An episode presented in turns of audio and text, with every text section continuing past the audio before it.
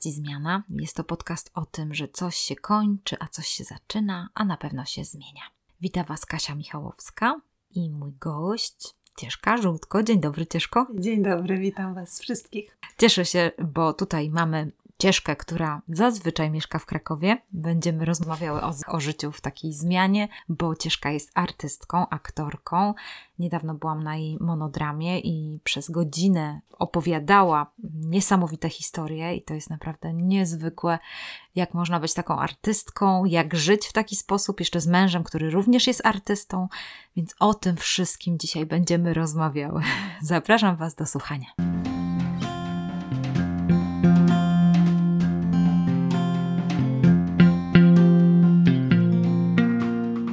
Bardzo się cieszę, że odwiedziłaś mnie tutaj na naszej zaspie. Dzisiaj prawdopodobnie tak myślimy, że jak już będziecie słuchali tego podcastu, to będzie fajne słoneczko. A dzisiaj niby już miała być wiosna, ale się rozpadał śnieg, więc Cieszka tutaj maszerowała do mnie w śniegu. Cieszko, e, jak ty byś siebie opisała? Co ty w ogóle w życiu robisz? A wiesz co, to jest bardzo dobre pytanie. No jestem entuzjastką życia. Smakujesz je? tak, smakuję je. Cieszę się zmianami, cieszę się dynamiką. Każdy dzień przynosi coś innego i w moim życiu też było wiele różnych etapów i wiele zmian. Nie zawsze byłam aktorką. No właśnie. tak, nie zawsze byłam żoną, nie zawsze byłam mamą. Każdy ten okres ma w sobie coś fajnego, mm radosnego, trudnego, ale takie jest życie i myślę, że to jest fajne, że życie jest takie. Coś, co na pewno określa moje życie, to jest to, że jestem osobą wierzącą z wyboru, czyli był taki moment w moim życiu, kiedy się zastanawiałam, czy chcę zaufać to, że nie jesteśmy przypadkiem i że ktoś, kto nas kocha, kocha, kieruje tym całym naszym pięknym bałaganem, albo przynajmniej ma na to oko, czy nie ma kogoś takiego. I rzeczywiście, jak mówią filozofowie, nie można ani udowodnić istnienia, ani nieistnienia Boga, więc trzeba na coś w życiu postawić. I ja postawiłam na to, że, że istnieje i że kocha, i że mhm. jest dobry, i to w dużej mierze mi pomaga żyć. Także mogę powiedzieć też, że jestem entuzjastką Boga mhm. i Jego obecności. Jestem entuzjastką wina. smaku. E, smaku, tak. Podczas COVID-u właśnie, kiedy, kiedy zabrakło smaku i węchu, dopiero tak pomyślałam sobie, czy ja kiedykolwiek byłam wdzięczna za to, że, że smakuje, że czuję, lubię jeść. Im jestem starsza, tym bardziej ciągnie mnie dzikość i przyroda. Chociaż mieszkam w środku miasta, w samym centrum Krakowa, to znajduję jakieś właśnie zapuszczone działki, jakieś miejsca. Im dziksza przyroda, tym więcej coś to robi we mnie. Zawsze miałam coś do drzew. Drzewa dają mi wielką siłę. Jeżeli chodzi o zmiany, to myślę, że jestem otwarta na zmiany. Nawet mój osiemnastoletni syn mi ostatnio taki komplement powiedział, że, że właśnie, że mu się bardzo podoba, że, że ja tak zmieniam różne rzeczy, że próbuję że tańczę rano, że wychodzę na spacery, że, tak się śmiejemy właśnie, bo jak tańczę rano, to jeszcze nikt, nikt z moich nie jest obudzony w domu, mm -hmm. także tańczę mając muzykę w słuchawkach. Mm -hmm. I ostatnio właśnie mój syn wstał i tak mi się przyglądał. Ja mówię, widzisz, to Nietzsche kiedyś powiedział, że ci, którzy tańczyli, wydawali się szalonymi dla tych, którzy nie słyszeli muzyki. I tak sobie myślałam też, że, że tak to trochę jest, też może z Panem Bogiem, że jak nie wierzysz w to, że istnieje, że cię prowadzi, to osoba, która w to wierzy, wydaje się w pewien sposób szalona, bo ty nie słyszysz tej muzyki.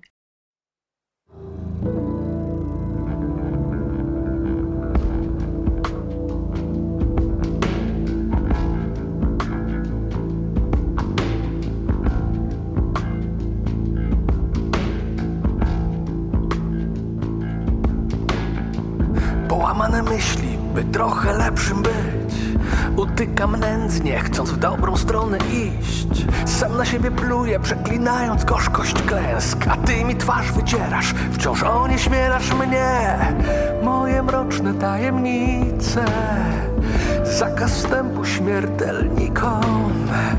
Moje mroczne tajemnice Tam, gdzie wstyd postawił strażę Resztę godności bronię sam sobie plując twarz A ty mi ją wycierasz i nie ustajesz w tym od lat.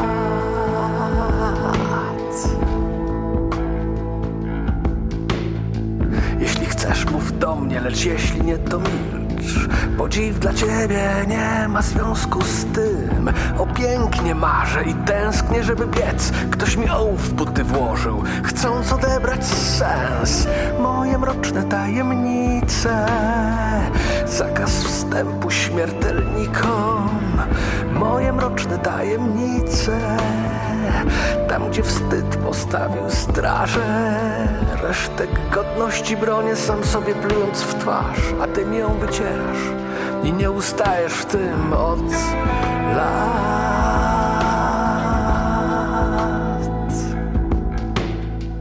Tak bardzo chciałbym wreszcie kiedyś gdzieś pasować, życiem dziwadła przestać w końcu żyć. Czemu mi każesz samemu sobie tak uwierać? Choć nieśmiertelność z uwierania właśnie rodzi się Do duszy mojej kluczy strzeżesz jak źrenicy oka I wstęp masz do niej kiedy zechcesz Gdy mi dobrze, gdy mi źle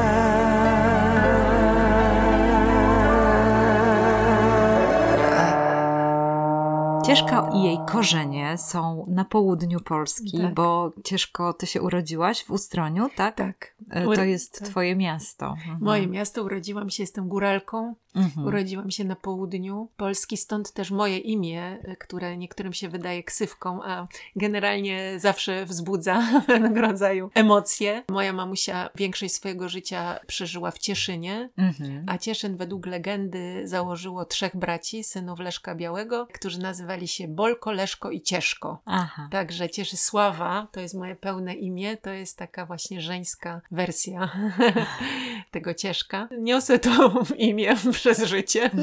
No i się cieszysz. Cieszę się, no cieszę się. Tak naprawdę w dzieciństwie nie cieszyłam się z tego imienia, bo Mhm. dzieci chyba chcą się nazywać jak inne dzieci.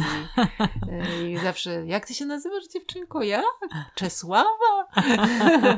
nie byłam szczęśliwa, że takie, Mhm. takie mi oryginalne imię rodzice wymyślili, ale teraz jestem zadowolona, zwłaszcza, Mhm. że to imię ma taki radosny wydźwięk i Mhm. Nie jest to jakaś Zyta albo jakaś tam, nie wiem, Brunhilda, ale no, ale ciężka. Zwłaszcza, że, że radość jest, jest taką ważną częścią mojego życia i tak naprawdę to muszę powiedzieć, że to jest taka rzecz, która się zmieniła właśnie po tej mojej decyzji Mhm. zaufania Bogu, że to był tak jakby pierwszy owoc, że zaczęłam się uśmiechać, zaczęłam się cieszyć, ale zawsze myślałam, że to jest taki skutek uboczny, że to Mhm. jest taki trochę jakby, nie wiem, puder na cieście Mhm. drożdżowym. A ostatnio właśnie zaczęłam odkrywać bardzo ciekawe badania na temat mózgu i tego, jaką radość jest wielką siłą napędzającą życie. Mhm. Ten naukowiec powiedział, że paliwo, które jest używane do działania mózgu, są tylko dwa rodzaje. Mhm. I to może być albo radość, albo strach. I bardzo ciekawie to, bo on to tak geograficznie mówił o tym, że właśnie ośrodek radości jest umiejscowiony z przodu mózgu, z przodu z góry po prawej stronie, a ośrodek strachu z tyłu na dole po lewej stronie. Mhm. I mówił o tym, co można robić, żeby jakby powiększyć troszkę ten ośrodek mózgu. I co było bardzo ciekawe, to największa aktywność tego ośrodka radości jest wtedy, gdy widzimy drugą osobę, która bardzo cieszy się z tego, że nas widzi. Bardzo mnie to zainteresowało, nie? Że relacyjnie to Tak, jest ważna tak. ta radość jest i że rzeczywiście, kiedy ktoś się cieszy, że cię zobaczył, to naj, największa aktywność tego ośrodka radości jest. Ten naukowiec mówił też, że oczywiście, że czasem schodzimy Mhm. do tego ośrodka strachu, bo to nie tylko chodzi o taki strach, bo strach nie zawsze jest zły, nie? To Mhm. jest też nas, nasz mechanizm obronny, ale takie właśnie siedzenie tam w tym ośrodku strachu, zamartwiania się sprawia, że mapujemy świat y, od tej strony, że przychodzimy na przykład na jakieś spotkanie i to, co zauważamy, to są negatywne rzeczy, że jest tam ktoś, z kim nie chcielibyśmy rozmawiać, że tutaj jest przeciąg, Mhm. że Mhm. coś tam nie pasuje do czegoś, a kiedy y, mapujemy jakby świat ze środka radości, inne rzeczy zauważamy i te właśnie akurat radosne, nie? I to Mhm. nie znaczy obiektywnie, że ta rzeczywistość się zmieniła, nie? Tylko, że my Mhm. inne rzeczy zauważamy. I powiedział, że w zasadzie są takie dwie rzeczy, które możemy zrobić. To pracować nad tym ośrodkiem radości, żeby był Mhm. coraz większy. Mhm. I mówił, że najszybszym sposobem jest wdzięczność, że tak na... I to jest dla mnie niesamowite, bo są po prostu badania. Teraz jest tyle Tak, przyrządów, wiedza. którym Tak. nie wiedzy Tak, możesz tak. wiedzieć, nie? Jak się zmienia chemia mózgu, jak się zmieniają jakby ośrodki aktywności, nie? Że to nie jest takie czary mary, nie? Tam czuję się szczęśliwa, nie? Tylko, że rzeczywiście oni mówili, że wdzięczność i praktykowanie wdzięczności, mówi pięć minut dwa razy dziennie, mówi po trzech miesiącach zmienia się chemia mózgu, Mhm. nie? I mówi, i nie taka wdzięczność, że dziękuję, nie? No bo każdy dobrze wychowany podziękuje, Mhm. tylko to jest takie cieszenie się, naprawdę, nie? Że zauważyłem piękny zachód słońca i super słońce zaszło, tylko, że siedzę przez 3-4 minuty i poświęcam czas, żeby to popodziwiać. Mm. Właśnie jeszcze mówił, że wspomnienia, dobre wspomnienia, kultywowanie dobrych wspomnień powiększa ten ośrodek radości. Nadzieja, Mhm. czyli y, nadzieja na przyszłość, że mamy jakieś plany, nawet na wakacje czy Tak. na weekend. Ostatnia też rzecz, która mnie bardzo zaciekawiła, to jest śpiewanie. O, proszę. Mówię, że śpiewanie po prostu e, również rozwija ten ośrodek radości. Śpiewanie w ogóle jest bardzo dobrą aktywnością dla mózgu, bo łączy aktywność lewej i prawej półkuli, przemieszcza jakby tą aktywność do przodu, tam gdzie ta radość jest. Także ja jestem córką chórzystów śpiewających, także zaraz to rodzicom powiedziałam. Także niezależnie czy fałszujemy, czy nie, to śpiewanie jest rzeczywiście też, też taką terapeutyczną Mm, e, mhm. rzeczą. Mhm. Radość jest ważniejsza niż nam się wydaje.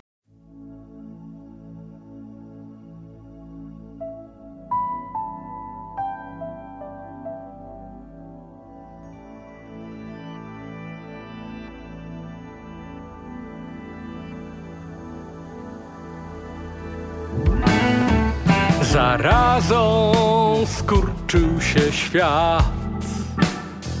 Na niepewność kochanie to lek.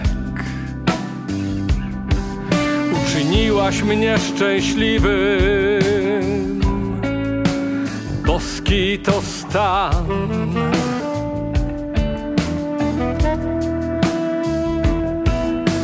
Gdzie są dziś znawcy od klątw? Ulotnił się ich toksyn jad. Uczyniłaś mnie szczęśliwym. Boski to stan.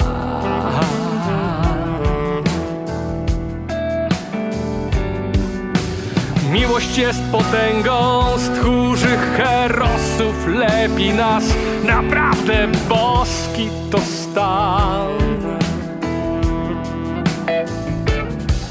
Minęło już z tysiąc lat. Ja ciągle odczuwam głód. Jak chłopiec drę twoje podkoszulki Boski to stan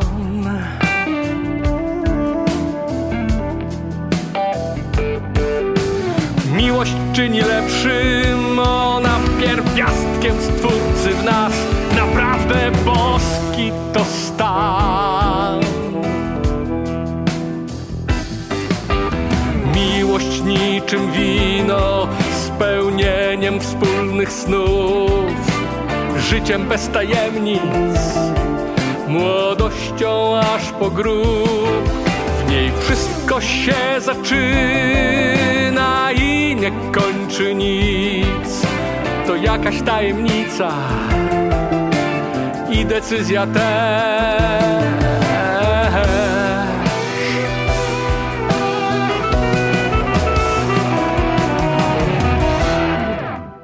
Ciężko, powiedz mi, jak to w ogóle się stało, że ty odkryłaś w sobie taką artystyczną duszę i poszłaś w tym kierunku? Czy to było tak, że zawsze byłaś artystką, w sensie, że wszyscy mówili, ta to będzie na pewno to artystka, w cudzysłowie Tak, tak, tak. się mówiło? Czy po prostu w pewnym momencie jakoś to odkrywałaś w sobie, że tak pojmujesz tą Mhm. rzeczywistość. Na pewno to jest powiązane też pewnie z twoim układem nerwowym, że jakoś jesteś bardzo wrażliwa, bo ogólnie już teraz też są badania naukowe na ten temat i mówią, że artyści mają pewną szczególną taką wrażliwość, która również patrzy do przodu bardzo.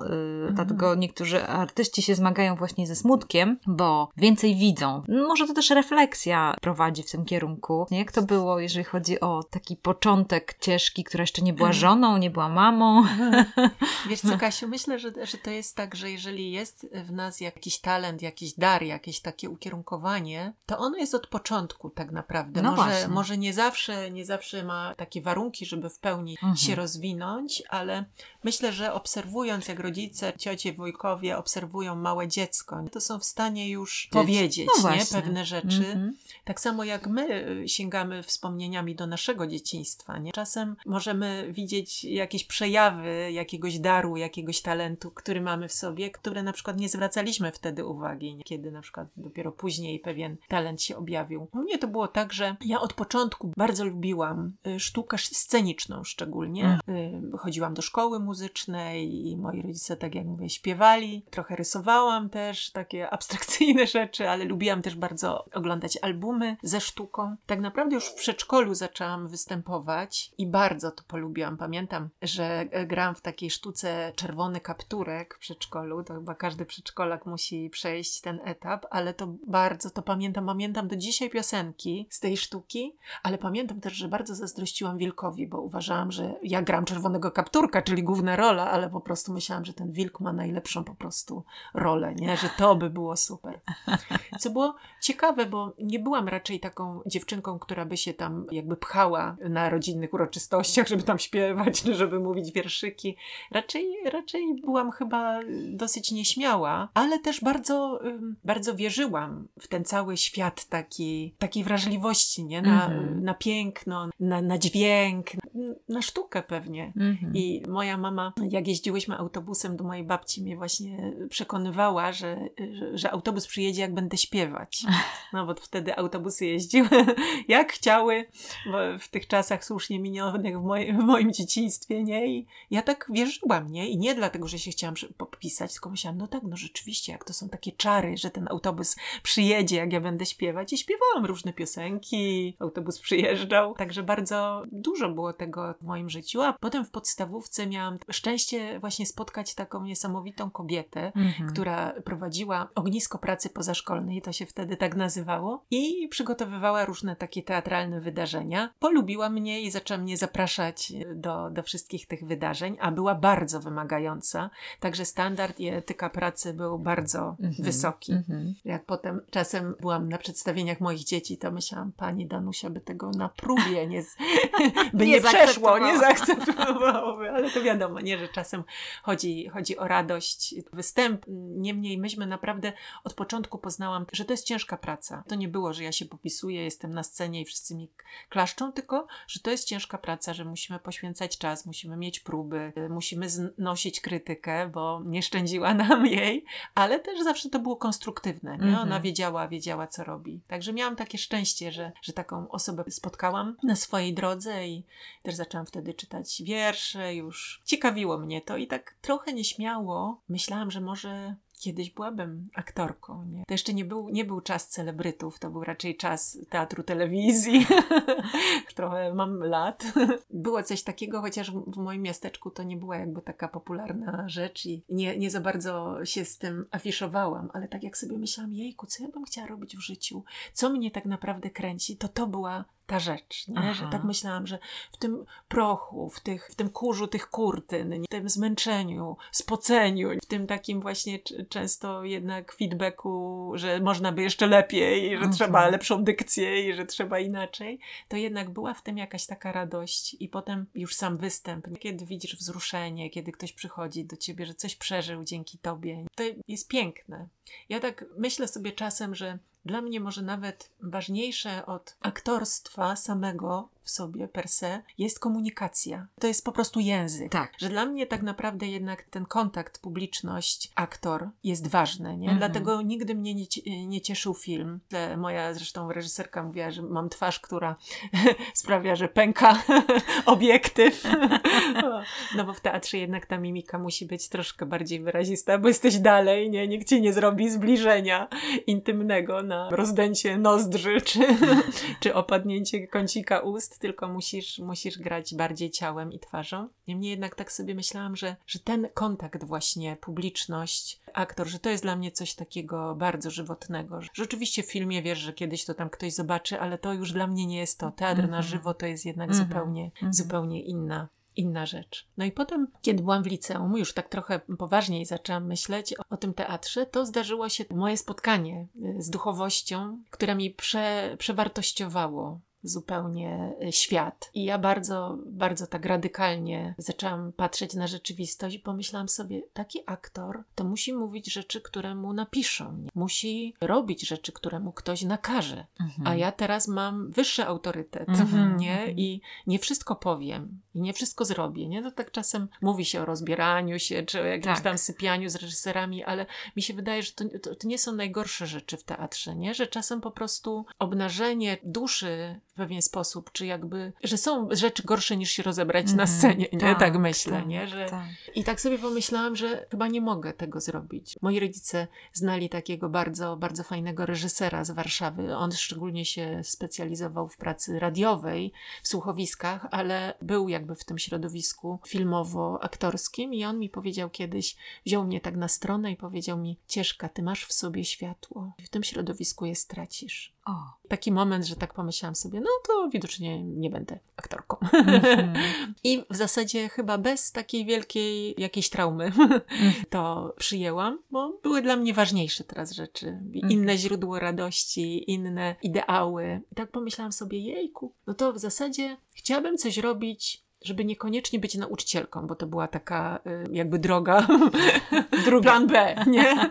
Ponieważ się, się dobrze uczyłam tak jakoś bez, bez wysiłku mi zawsze ta, y, ta nauka przychodziła, to że polonistką będę, jak już nie artystką. I tak myślałam, nie, nie, ja bym chciała po prostu coś robić rękami. No i wtedy taki znajomy lekarz, który był dla mnie bardzo też taki ważną osobą w moim życiu, który miał kontakty i jeździł dużo do Stanów, mówił, Cieszka, ty byś się bardzo nadawała na taką instruktorkę fitness, na taką osobę, która zajmuje się ciałem, która pomaga innym ludziom też zatroszczyć się o swoje ciało. A u nas jeszcze to nie było takie popularne. Zaczęliśmy o tym rozmawiać. Było to blisko dosyć sceny, taka mhm. instruktorka fitness, bo też jakby jest ta komunikacja, kogoś do czegoś porywasz, inspirujesz, robisz coś. Myślę, jejku, jest to coś innego, nie? Mm -hmm. I też muszę przyznać, że była to dla mnie, było to dla mnie wyzwanie, bo postanowiłam zdawać na rehabilitację ruchową na Akademię Wychowania Fizycznego, a to był kierunek, na który trudno się było dostać, bo w, w tamtych czasach było tylko 12 miejsc, z czego też część na AWF jest tak, że jak masz mistrzostw w jakiejś dziedzinie, to, to,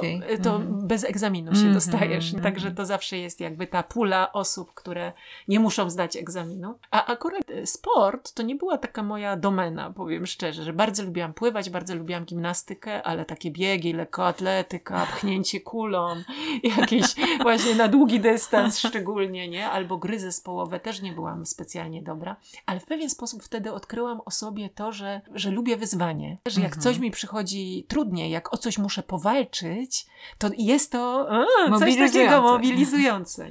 Także zaczęłam rzeczywiście naprawdę się przygotowywać. Moi mhm. WF-iści z podstawówki też mi bardzo, bardzo bardzo pomogli. Zaczęłam się uczyć, bo te egzaminy były dosyć trudne. Trzeba było zdać lekkoatletykę, pływanie, gimnastykę i gry zespołowe. Mm-hmm. To nie był jakiś taki sprawnościowy test, tylko generalnie trzeba było się nauczyć tych rzeczy. No i udało mi się, udało mi się zdać e, na te studia i zaczęłam się uczyć o ciele, bo ciało mnie zawsze ciekawiło bardzo bardzo to była druga taka, taka rzecz, która kręciła mnie, która mm, sprawiała, mm. Że, że coś się we mnie zapalała, jakaś taka iskierka. Chociaż no muszę powiedzieć, że no to było bardzo takie akademickie, nie? że trzeba się było uczyć wszystkich kości po łacinie i wszystkich mięśni, i wszystkich chropowatości, te dużo takiej pamięciowej rzeczy. Mm. Ale i tak, i tak było, było ciekawie. Spotkałam, spotkałam dużo fajnych ludzi i wbrew pozorom też chciałabym jakby rozwiać tu takie może mity, bo w moim liceum jak się dowiedzieli, że ja idę na AWF, to zapanowała żałoba w ogóle, że co to jest w ogóle za uczelnia. Miałam być artystką, a tutaj będę magistrem od fikołków i w ogóle.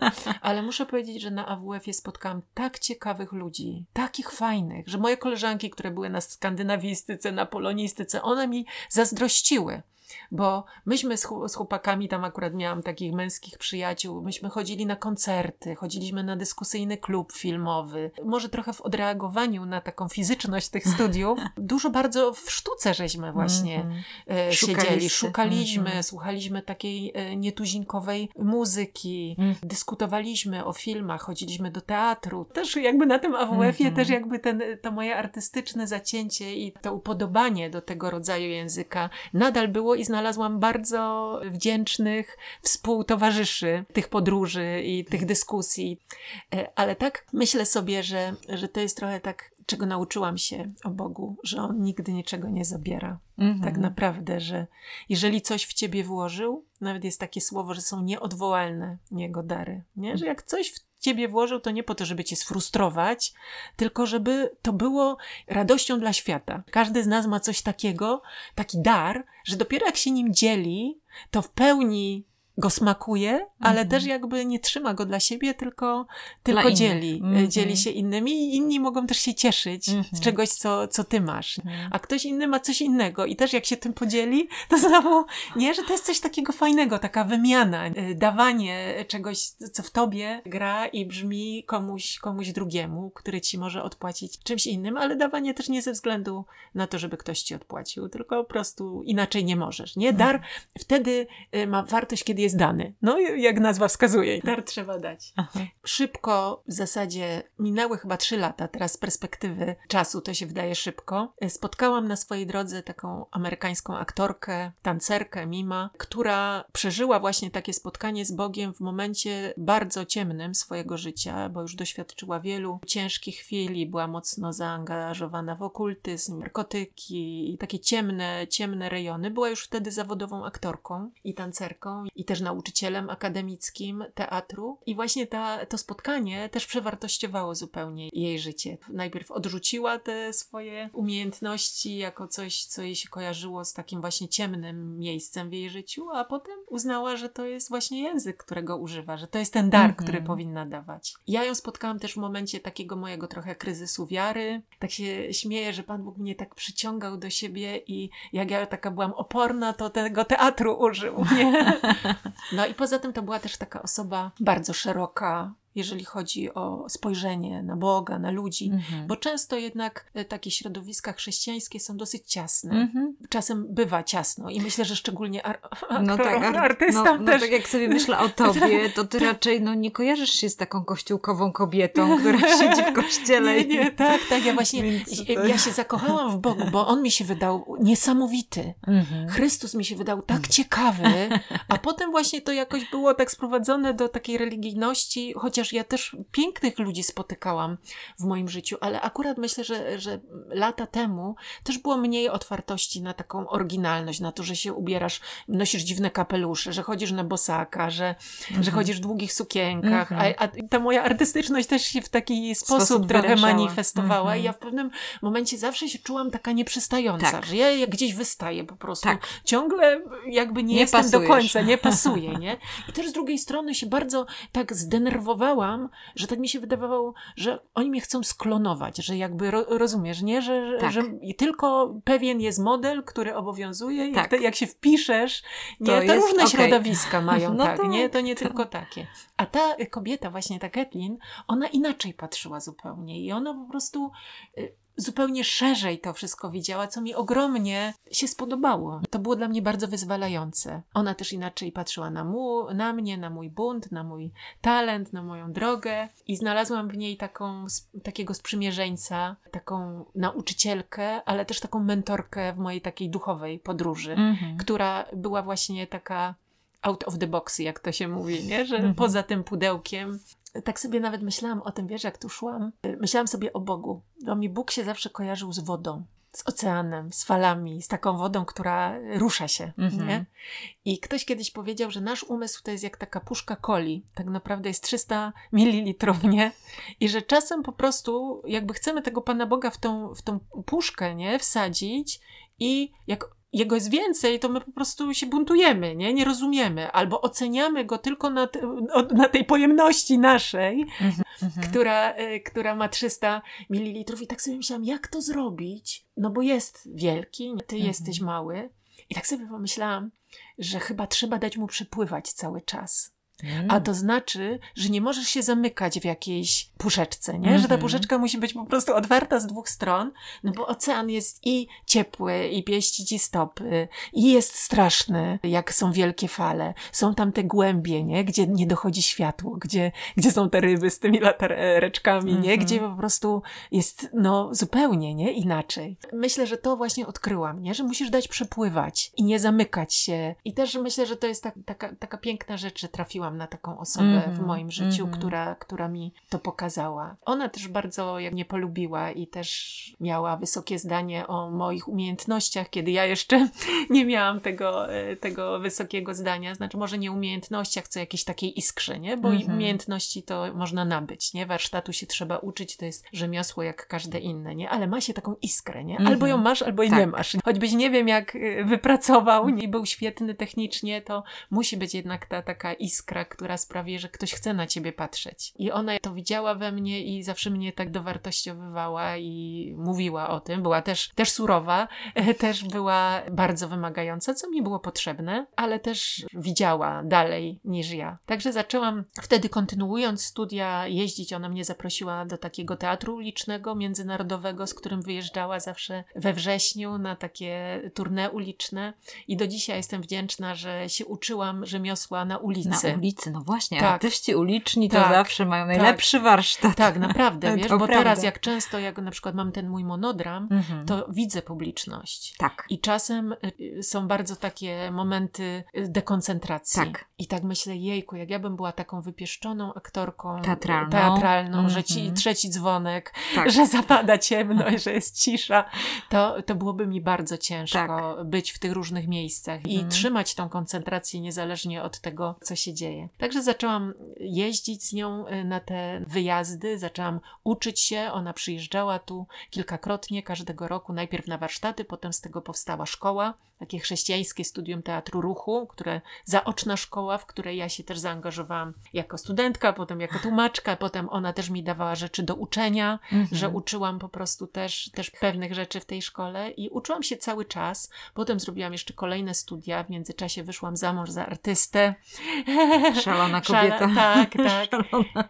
Urodziły się moje dzieci i cały czas ten teatr był w moim życiu i Mhm. cały czas i występowałam i uczyłam się, bo to była właśnie jej taka mantra, że żeby być dobrym artystą musisz i uczyć kogoś, i uczyć się, i występować, że to są te dwa takie nurty, nie? Że jak artysta przestaje się uczyć, to gdzieś tam gaśnie coś w jego, w jego występie, nie? Mhm. A z kolei, kiedy tylko uczy i nie występuje, to też czegoś brakuje. No w każdym razie, jak urodziły się, się nasze dzieci, Janek miał chyba dwa latka, to tak sobie pomyślałam, i co ja teraz chcę uczynić z resztą mojego życia? Ale pracowałam wtedy jako anglistka, prze, zanim dzieci się urodziły i cały czas właśnie wyjeżdżałam i cały czas w teatrze działałam, ale wydawało mi się to takim bardzo spełniającym mnie hobby. I też jestem wdzięczna mojemu mężowi, który miał zrozumienie do tych moich tęsknot i pozwalał mi też funkcjonować w taki sposób, że bo to jednak często mnie nie było. Potem już z dzieciakami nie, w nosidełku szłam i uczyłam tam jakichś swoich rzeczy, czy jeździłam. Wiadomo, że nie mogłam wtedy tak bardzo się angażować w występy, jak dzieci były małe, ale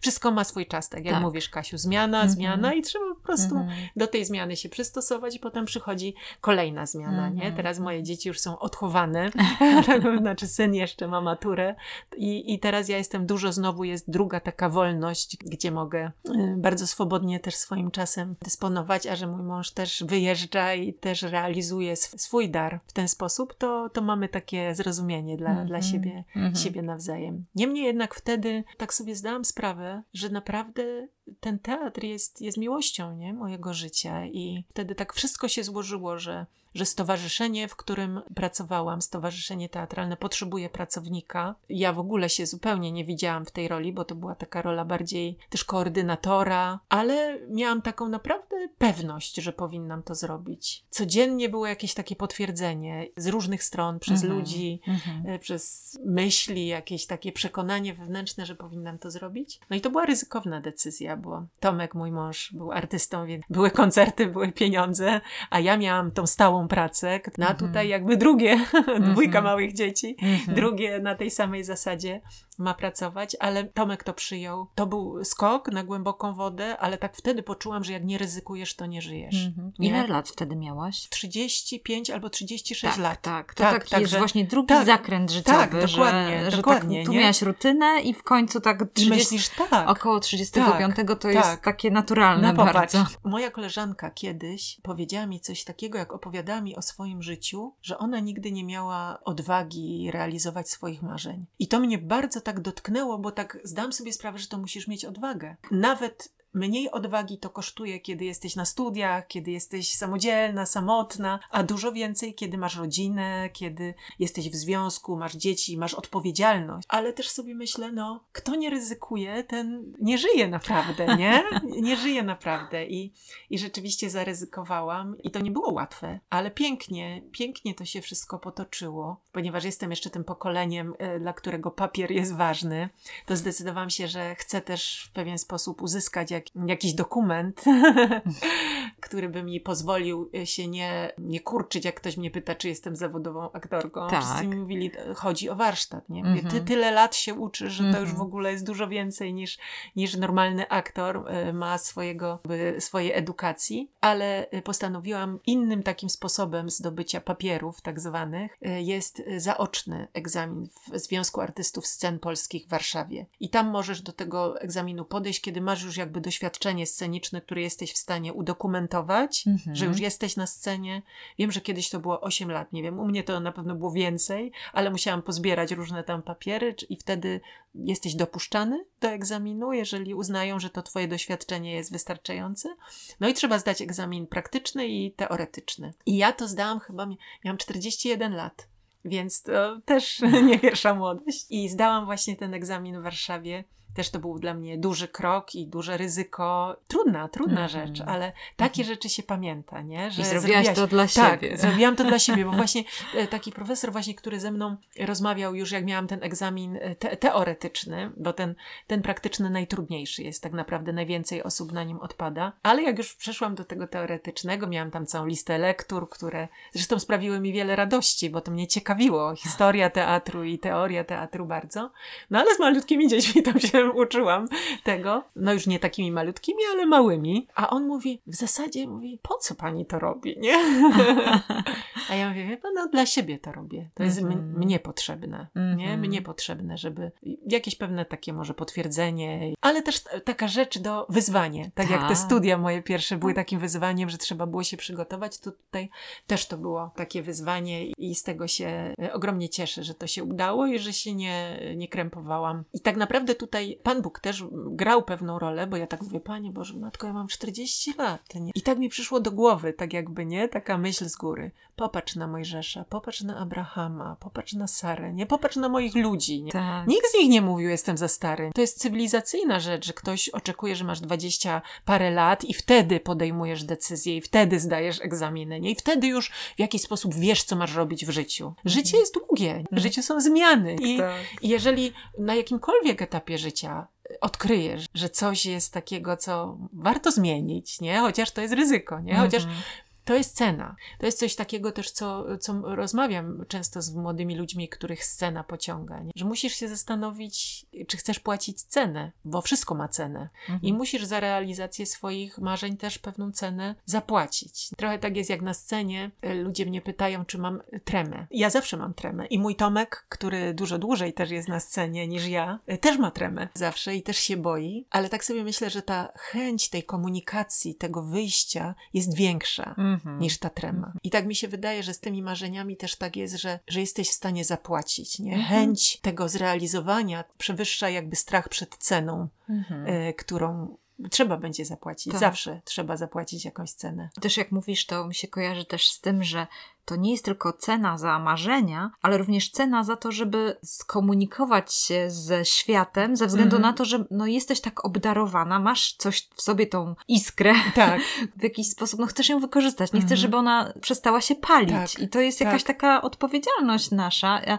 a niestety pewnie będzie to związane z pewnym ryzykiem, bo Tak, trzeba się oczywiście. pokazać, bo trzeba Tak. się otworzyć, bo trzeba y, jakoś tworzyć się na innych ludzi. Może im się to podobać, nie tak. podobać. jak dużo- najbardziej. Otwierasz dużo. się na krytykę, Tak, nie? Dużo, tak. dużo łatwiej jest asekurować się Tak. i nic nie pokazać, tak, nie? Tak. W aktorstwie to jest jeszcze o tyle trudne, że ty jesteś instrumentem. Mhm. Że jeżeli komuś się nie podoba, to nie masz na kogo zwalić, nie? Że ci Mhm. gitara nie stroiła, czy, czy coś. Ja dużo lubię, chodzę do teatru, czasem na słabe sztuki, no bo nigdy nie wiesz. Może nawet nie słabe. Takie, nie, które nie do końca rezonują z moim sercem, ale zawsze oklaskuję aktorów. Jeżeli są warci tego, a krakowskie teatry mają Mhm, naprawdę mhm. fantastycznych artystów i czasem mi się zupełnie nie podoba sztuka, ale oklaskuję aktorów, bo oni swojego zadania się wywiązali fantastycznie. Ale czasem jak robisz swoje rzeczy, tak jak, jak mój mąż swoją autorską muzykę i ja też robię jakieś rzeczy, które na przykład sama napisałam, Mhm. to krytyka uderza w ciebie, nie? Tak. Możesz, nie? Na reżysera, czy na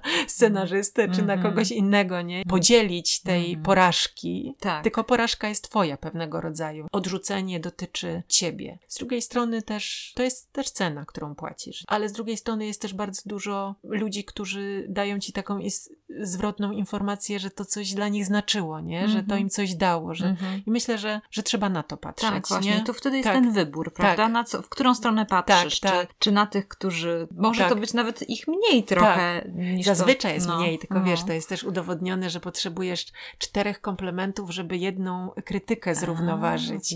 A. Nawet niektórzy mówią, że dziesięciu. O, proszę. I wiesz, i to Mhm. prawda jest, bo ja na przykład słyszę bardzo dużo przepięknych słów. Naprawdę jestem aż onieśmielona, nie? Jakby jak ludzie przychodzą, chcą ze mną rozmawiać, ale i tak zapamiętasz, wiesz, tych parę ludzi, którzy wyszli ostentacyjnie, którzy powiedzieli, że to jest beznadziejne, czy y, wiesz, i to Niestety. jakby tacy jesteśmy, po Mhm. prostu tacy jesteśmy i musimy też w pewien sposób wybierać, tak jak ty mówisz, na co zwracamy uw- uwagę, co będzie dla nas ważniejsze, ale myślę, że jak liczysz się z kosztem, bo sztuka też ma to do siebie, że jak mówi mój mąż, jednemu Kaśka, drugiemu Maryśka, nie? Że nie Mhm. każdemu się podoba i to Tak. jest jak najbardziej okej, nie? Mhm, Bo to jest mhm. jeden z języków, także nie ma żadnego przymusu, żeby wszystkim się podobało. Oczywiście Mhm. człowiek by chciał, nie? Żeby się wszystkim podobało, ale, ale nigdy tak nie No będzie, tak, nie? tak. Ale jeżeli po prostu wiesz, że to jest ta cena, którą musisz zapłacić i przyjmujesz to jako coś, co jest oczywiste, nie? Że będą i tacy, i tacy, to Mhm. myślę, że to wtedy też mniej boli. Mhm, na pewno. No. Ciężka, nie mogę uciec od tego pytania, wiesz, bo ogólnie, kiedy na przykład, nie wiem, jak jestem u mamy, wiesz, i przeglądam jakieś tam kolorowe pisemka i tak dalej, to ogólnie bym powiedziała tak, i myślę sobie, że nasi, nasi słuchacze też podzielają to zdanie, że jeżeli jest jakaś artystyczne y, małżeństwo, tak jak wy Mhm. się zdecydowaliście z Tomkiem być razem jako artyści, macie jakiś bardziej taką wrażliwą naturę, bardziej jesteście pulsy ze świata, chłoniecie Mhm. i tak dalej. I to wpływa na wasze małżeństwo, wpływa na Mhm. wasze dzieci, też te odbieranie tej rzeczywistości. Nie jest łatwo być razem jako artystycznej rodzinie. I właściwie jak patrzymy na to, co się dzieje w tych kolorowych pismach, jak patrzę, to z mamą właśnie sobie czasami obgadujemy, to mówimy, no jeny, no już trzecie małżeństwo, czwarte małżeństwo, tak. że zazwyczaj artyści mało są wierni, czy mało po prostu przeżyją. Y, I wy, wam się jednak udaje. W sensie takim, że chociaż jesteście wrażliwi, no właśnie, na pewno wrażliwcami, no nie wyobrażam sobie, że, że, że tak nie jest, Mm. że, że nie jesteście wrażliwi, no bo to nie da rady być taką Mm. osobowością. Daliście radę. Tyle czasu No. i chyba rozumiem, że myślicie o tym, żeby do śmierci. tak, tak.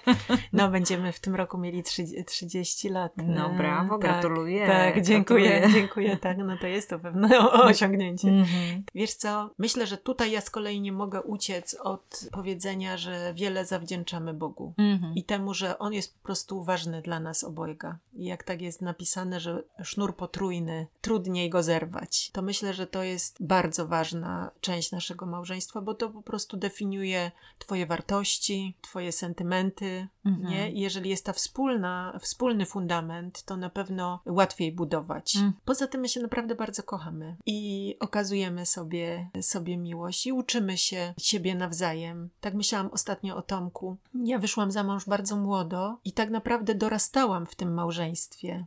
I zmieniałam się w tym małżeństwie a propos zmian. I tak myślę, że to jest ogromne szapoba dla niego, że dał mi yy, Przestrzeń. Tak, przestrzeń. Mhm. Że o kilka różnych żon takich w międzyczasie, nie? Że takich, że po prostu ja sama się. może nie tak drastycznie, No nie? tak. Ale dojrzewałam pewne Tak. rzeczy. Inaczej widzisz, jak masz 22 lata, inaczej jak masz 30. I jeżeli właśnie ma- masz taką łaskę, że, że płynie to jakoś, nie? Że nie musi, nie trzymamy się kurczowo tego, że musi być tak jak w pierwszym roku naszego małżeństwa, przykład takiego, nie? To, to, to też pomaga. Ja myślę, że, że ta miłość jest ważna, cierpliwość, y, przebaczanie sobie. My jesteśmy y, bardzo różni pod pewnymi względami i podobni pod innymi. Mamy dla siebie wiele, wiele łaski zrozumienia w tych właśnie artystycznych rzeczach, wrażliwościach. Natomiast ja jestem dużo bardziej optymistyczna niż Tomek y, i tu się tak równoważymy, że, że on właśnie, tak jak ty mówiłaś o tym smutku, o tym widzeniu więcej niż inni. Myślę, że to czasem jest jego, jego takie brzemię, które niesie, mm -hmm. nie? że więcej mm -hmm. czuje, więcej widzi, więcej go boli. To jest takie autentyczne. Mm. I powiem ci, że badania na przykład mówią o tym, że z powodu tego bólu, i to jest fizyczny ból, bo e, artysta odczuwa to tak jakby go, mhm. nie wiem, ząb bolał, czy mhm. tam, nie wiem, że miał problemy z żołądkiem. I z tego powodu właśnie bardzo często artyści decydują się na taką drogę picia alkoholu za dużo mm. albo jakichś tam środków. Znieczulaczy. tak, no tak. dokładnie, nie? Więc właśnie no. to jest też takie niesamowite, że jednak mimo wszystko Tomek nam się nie rozpił. Tak, tak, chociaż bardzo lubimy wino. No, tak. Latem wino. też chodzimy na, pi na piwo razem. No tak. No. Tak, Wiesz co, to no. są dwie rzeczy. Po pierwsze taki ból istnienia, który mm -hmm. może właśnie trochę artystów bardziej boli. Może oni są bardziej skontaktowani z tą po prostu mm -hmm. swoją jakąś mhm. wewnętrzną wrażliwością, tak, nie? I, tak. Ale też wiesz, jest coś takiego, że jest taka adrenalina przy występie, że ona bardzo wolno schodzi i mhm. alkohol na przykład pomaga. pomaga tak, nie? Tak. Wtedy, mm -hmm, wtedy człowiek by mhm. się napił, żeby zasnąć, żeby mm -hmm, w ogóle. Także, -hmm. także muszę powiedzieć tak, że to jest trudne mhm. nie? dla artystów, jeżeli nie mają siły gdzie indziej, to jest, jest to tak. takie, takie miejsce, tak. gdzie naprawdę można. I wiesz co, Cieszka, w tym mhm. kontekście chciałam Cię zapytać, bo żyjemy w świecie, który się bardzo zmienia. Redefiniujemy teraz całe społeczeństwo, redefiniujemy, wiesz zresztą, bo masz tak. dzieci i Twój syn 18 lat, to doskonale to się uczy. My od nastolatków tego, że są redefiniowane wszelkie wartości, wszelkie autorytety, ogólnie też normy społeczne są zredefiniowane, już nie mówiąc o tym, o naszej przyszłości, która nas czeka, bo nie wiem, załóżmy dzisiaj otwieram Twittera, mówią, że w 2030 roku już będzie tylko 40% wody dostępnej, hmm. pitnej na przykład, tak. nie? To są takie różne wyzwania, które czujemy i wiemy, że będziemy żyli zaraz na jakiejś innej planecie. Hmm. Chcecie w tym kontekście zapytać, bo z jednej strony, tak jak siebie określasz, mówisz o Bogu i i mhm. tym, że jakoś z Tomkiem się trzymacie Pana Boga. Czy macie jakieś swoje, jakieś takie wytyczne, czy takie kamienie, które Wam pozwalają w jakiś sposób właśnie żyć w równowadze w kontekście mhm. tego strasznie zmieniającego się, usuwającego się fundamentu spod naszych nóg, nie? Czy... Tak, to jest prawda, że, że żyjemy podczas wielkich zmian i mhm. zawirowań. My mamy, tak mi się wydaje, fundament w Bogu, mhm. także w Jego wierności, niezmienności i w takim poczuciu, że jednak nic mu się tam z rąk nie wymyka. Tomek bardziej, y, myślę, się martwi, bardziej go to zżera właśnie kwestia wody, mm -hmm. przyszłości, mm -hmm. ekologii, polityki. On bardzo, bardzo to to przeżywa. Ja jestem bardziej taka instynktowna w moim życiu i biorę sobie dosłownie to, co powiedział Jezus, że dość ma dzień swoich trosk. Myślę o dzisiaj, myślę, jak pięknie dzisiaj żyć. Mhm. Mhm. Oczywiście też myślę o jakichś takich rzeczach, które ma, jak jestem świadoma jakichś tam zagrożeń, jak ty mówisz sama, o wodzie, nie? Czy jakichś mhm. ekologicznych rzeczach, to też nie żyję tak nieodpowiedzialnie, nie? Mhm. Tylko wprowadzam takie rzeczy, które mogę z myślą o przyszłości, ale rzeczywiście y, chyba mam taki sprzeciw y, w sobie w wybieganiu takim dalekim w przyszłość, że tak myślę, dzisiaj jest ważne, teraz jest ważne, przeżyję ten dzień pięknie, będę pięknym człowiekiem dla innych. Kupujemy od kilku lat taki kalendarz, poradnik życia, w Empiku można kupić, Aha, gdzie są takie tak. na każdy dzień jakieś hasła. No, niektóre bardzo, bardzo takie przyziemne, a niektóre bardzo takie głębokie. I jedno, i tak sobie przylepiam różne e, w łazience. I jedno z nich jest, co zrobiłeś dzisiaj, z czego będziesz dumny jutro? I to mnie tak konfrontuje, bo często te dni rzeczywiście tak przeciekają przez palce, nie? I tak myślę, czy ja coś zrobiłam naprawdę? I rzeczywiście jak patrzę, jeżeli mi się uda coś takiego zrobić, to najczęściej to jest nakierowane na drugiego człowieka. To czasem jest uśmiech, nie? Czasem jest porozmawianie z jakąś panią w sklepie, która jest samotna ja myślę, że życie się składa z takich małych gestów, y, z małych uśmiechów, że ważne jest też troszkę zwolnić, Tak. oddychać, y, mieć czas dla drugiego człowieka, mieć czas na rozmowę, mieć czas na wysłuchanie dziecka. Tego się uczę teraz. Myślę, że to jest taki drugi rok, gdzie tak się uczę takiego zwalniania, takiej wolniejszej drogi. Dla nas jest miłość najważniejsza, myślę, z Tomkiem. Mhm. I żeby o nią dbać, żeby, żeby ją pielęgnować, żeby kochać swoje dzieci, żeby kochać rodziców, nie? Żeby... To są, ja wiem, że to są takie ogólne rzeczy, nie? Ale wszystko, co robisz, albo wzmacnia tą miłość, albo ją w jakiś sposób koroduje, nie? I myślę, że nie wiem, jakby Tomek na to odpowiedział, ale myślę, że, że tak żyjemy jakoś, przyjmując to, że kolejny dzień przyniesie jakieś Swoje. kolejne wyzwania. Tak, Teraz tak. Teraz mamy też zmianę w życiu. Zmarł tato Tomka i, y, i to jest nowa też sytuacja dla nas w kontekście rodzinnym i Mhm. odpowiedzialności też za, za rodziców, którzy się starzeją. Także znowu jakieś nowe kroki będą musiały być podjęte i nie sposób tego zaplanować, nie, nie sposób się martwić na zapas, nie? Dość ma dzień swoich trosk. Mhm. Jutro będzie miało swoje własne i wierzę, że będę miała siłę na ten kolejny Tak. dzień. Y, Dostanę to, co, co potrzebuję. Mhm. I chyba nad tym pokładam No tak. swoją nadzieję. To prawda, to jest fajne. Jeszcze jedną rzecz, którą na koniec chciałam Cię zapytać, Cieszko, ponieważ jak Wy jesteście artystami oboje, to Wasze dzieci podejrzewam, że też jakoś załapały tego bakcyla artystycznego. Tam wiem coś o różnych rzeczach, jakbyś mogła powiedzieć. Jak to jest z Waszymi dziećmi, jeżeli to oczywiście one się Tak. zgodzą, mam nadzieję, że tutaj możemy powiedzieć. Nasza córka Zosia pisze piękne wiersze. Jest pięknym człowiekiem, piękną kobietą i zewnętrznie, i wewnętrznie, i ma piękne myśli, potrafi je pięknie w słowa ubrać. I trochę właśnie myślałam o niej w kontekście tego, co ty mówiłaś, y, jak mówiłyśmy razem też o tym, że dar musi być podarowany. Mhm. Zosia pisze te rzeczy różne i nie ma w ogóle żadnego parcia na wydanie. Że tak naprawdę pierwszy tomik za naszą namową wydała na 18 urodziny. I teraz ja ją namawiam, bo ma całe już szufladę nowych wierszy, ale ona mówi, mamuś, ja już jestem w zupełnie innym miejscu. Rozumiem to, ale ludzie, którzy czytają te wiersze też są w innym miejscu. Dla kogoś coś, co dla niej już nie jest może tak żywotne, nie? Jak było dwa lata temu. Dla kogoś może być ak- tak samo rezonować w jego sercu, ale dla mnie to właśnie jest taki konkretny przykład tego, że darować ten dar, nie? Bo możesz do szuflady napisać albo możesz wydać, nie? Mhm. I to jest niesamowite, bo Zosia wydała tomik na 18 urodziny, wierszy, które często pisała w gimnazjum, bo jeszcze wtedy było gimnazjum. I są panie w różnym wieku i panowie, którzy po prostu czerpią taką radość z tych wierszy. Jedna dziewczyna powiedziała, że po prostu cały czas nosi w torebce, nie?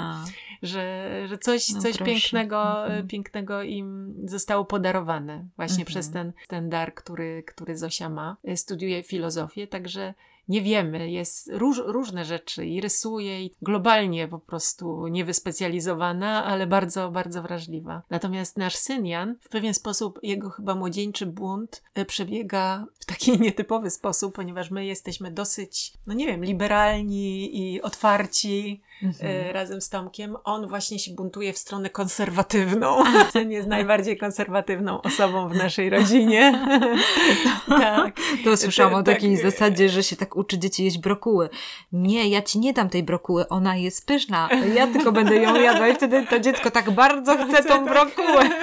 Możliwe, ale tak myślę, myślę właśnie, bo ja tak myślę, skąd mi się wziął taki syn po prostu zasadniczy. A potem zdaliśmy sobie z Tomkiem sprawę, że to jest jego młodzieńczy bunt. Gdzie on się może buntować? I on rzeczywiście jest bardzo prawym, bardzo zasadniczym e, młodym człowiekiem, ale myślę, że on jest taki sprawiedliwy w, w tych swoich i poglądach, i, i sposobie myślenia. Ma włosy po pas, chodzi w moro, ale myślę, że interesuje go historia. I ja nauczyłam się też tak widzieć sztukę, może szerzej troszkę, chociaż oczywiście jako e, matka miałam z tym, z tym kłopot na początku, bo Janek bardzo się realizuje w takich grach, które się nazywają RPG. Mhm. E, I najpierw jako uczestnik, a teraz jest mistrzem gry. I to jest coś, co rzeczywiście, rzeczywiście e, bardzo go kręci. No ja na początku tak trochę nie byłam przekonana, nie? Na początku w ogóle mi się wydawało, że to jest znowu komputer, nie? Aż się zorientowałam, że to nie, Że nie. nie. że No i potem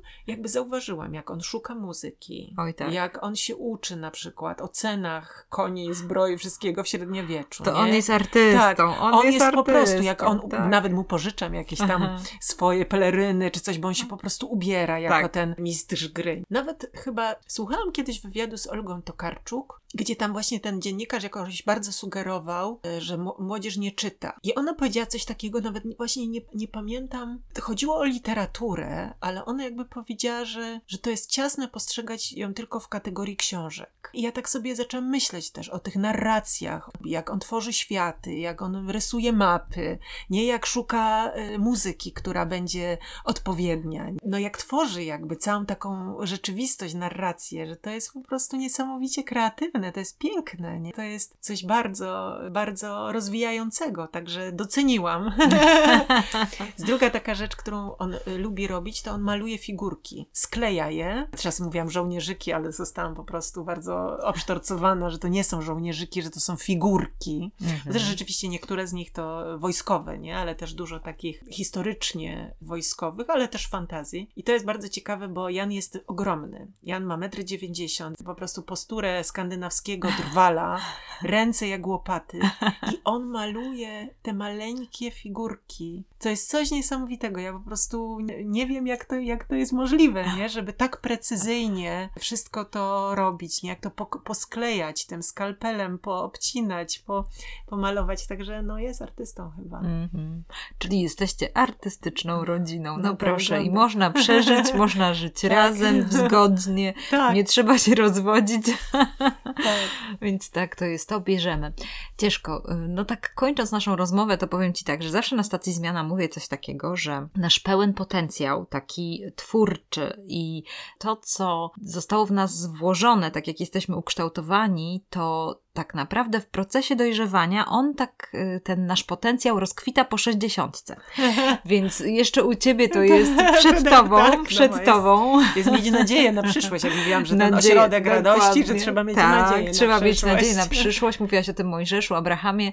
E, I tak to wygląda właśnie, Mhm. że, że, ten, że to służenie ludziom, tym, że ludzie jeszcze będą cieszyć się z tego, co im dajesz, jest jeszcze przed tobą. Ja tutaj składam na twoje ręce dużo, dużo e, właśnie takiego oczekiwania też e, Mhm. z, z tego, co, co robisz, bo i masz różne projekty i pomysły i Mhm. w gruncie rzeczy też uwolnione trochę zasoby, bo zaraz może ten czas taki, taki może tych przemian, on jeszcze na razie tutaj następuje, ale on się zakończy i po prostu wtedy już będziesz tak w pełni wykluta i będziesz mogła e, właśnie służyć, więc Mhm. bardzo Ci dziękuję za, za te wszystkie Twoje przyszłe spektakle, e, wystąpienia i cokolwiek tam zrobisz, to my, ja i również myślę, że nasi słuchacze stacji Zmiana będą to obserwowali, więc No, naprawdę. jest to ryzyko oczywiście, bo ale, ale kiedyś powiedział taki, nie wiem, teoretyk teatru, czy powiedział, róbcie dużo, niektóre z tych rzeczy będą dobre.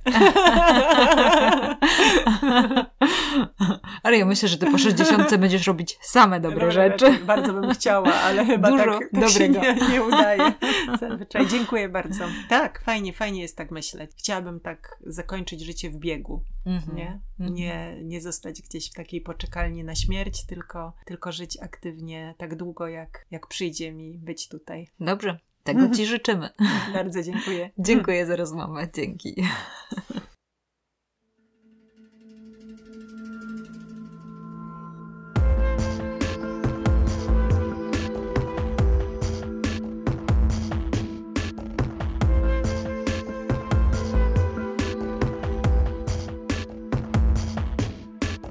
Niech to mnie nie przestraszy, koniec jest początkiem.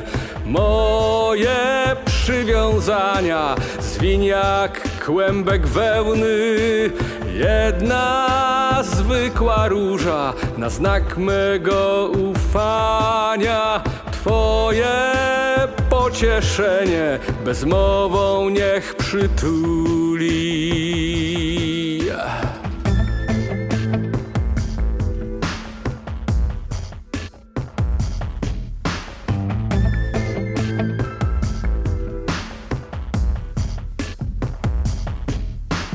Niech to mnie nie przestraszy, chociaż jest nieznanym. Pamięć się rozpłynie, łaska uratuje. Jedna zwykła róża na znak, że byłem gotów. Tobie zaufałem, Ciebie pokochałem.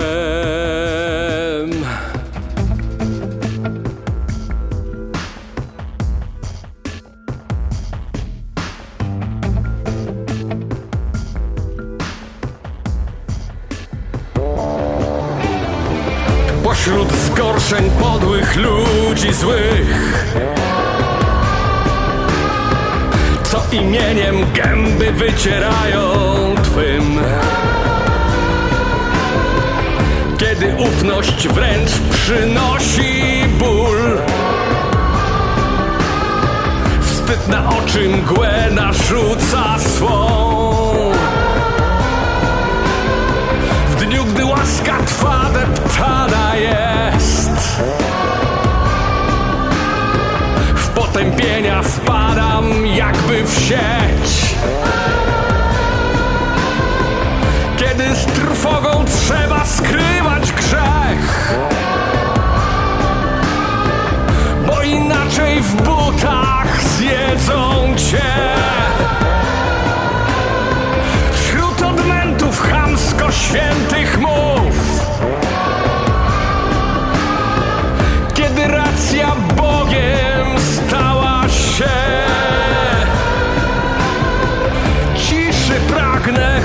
samotnym być. Precz ode mnie znawcy duszy mej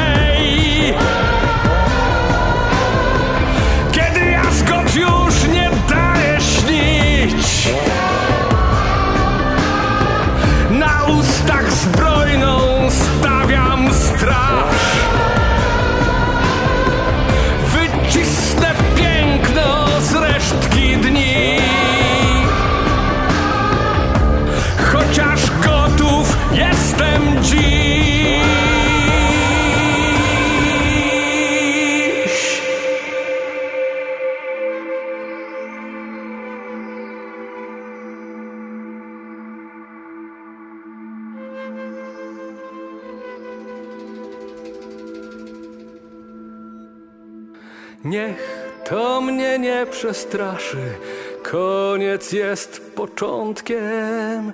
Moje przywiązania zwiń jak kłębek wełny. Jedna zwykła róża na znak mego ufania. Twoje pocieszenie bezmową niech przytuli. Niech to mnie nie przestraszy, chociaż jest nieznanym.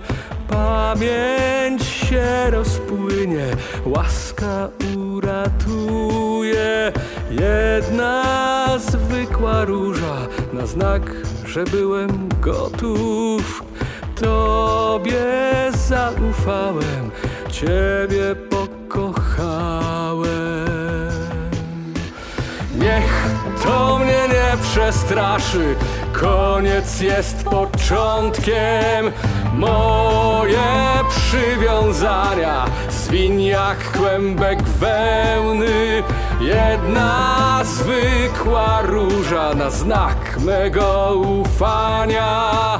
Twoje pocieszenie bezmową niech przytuli.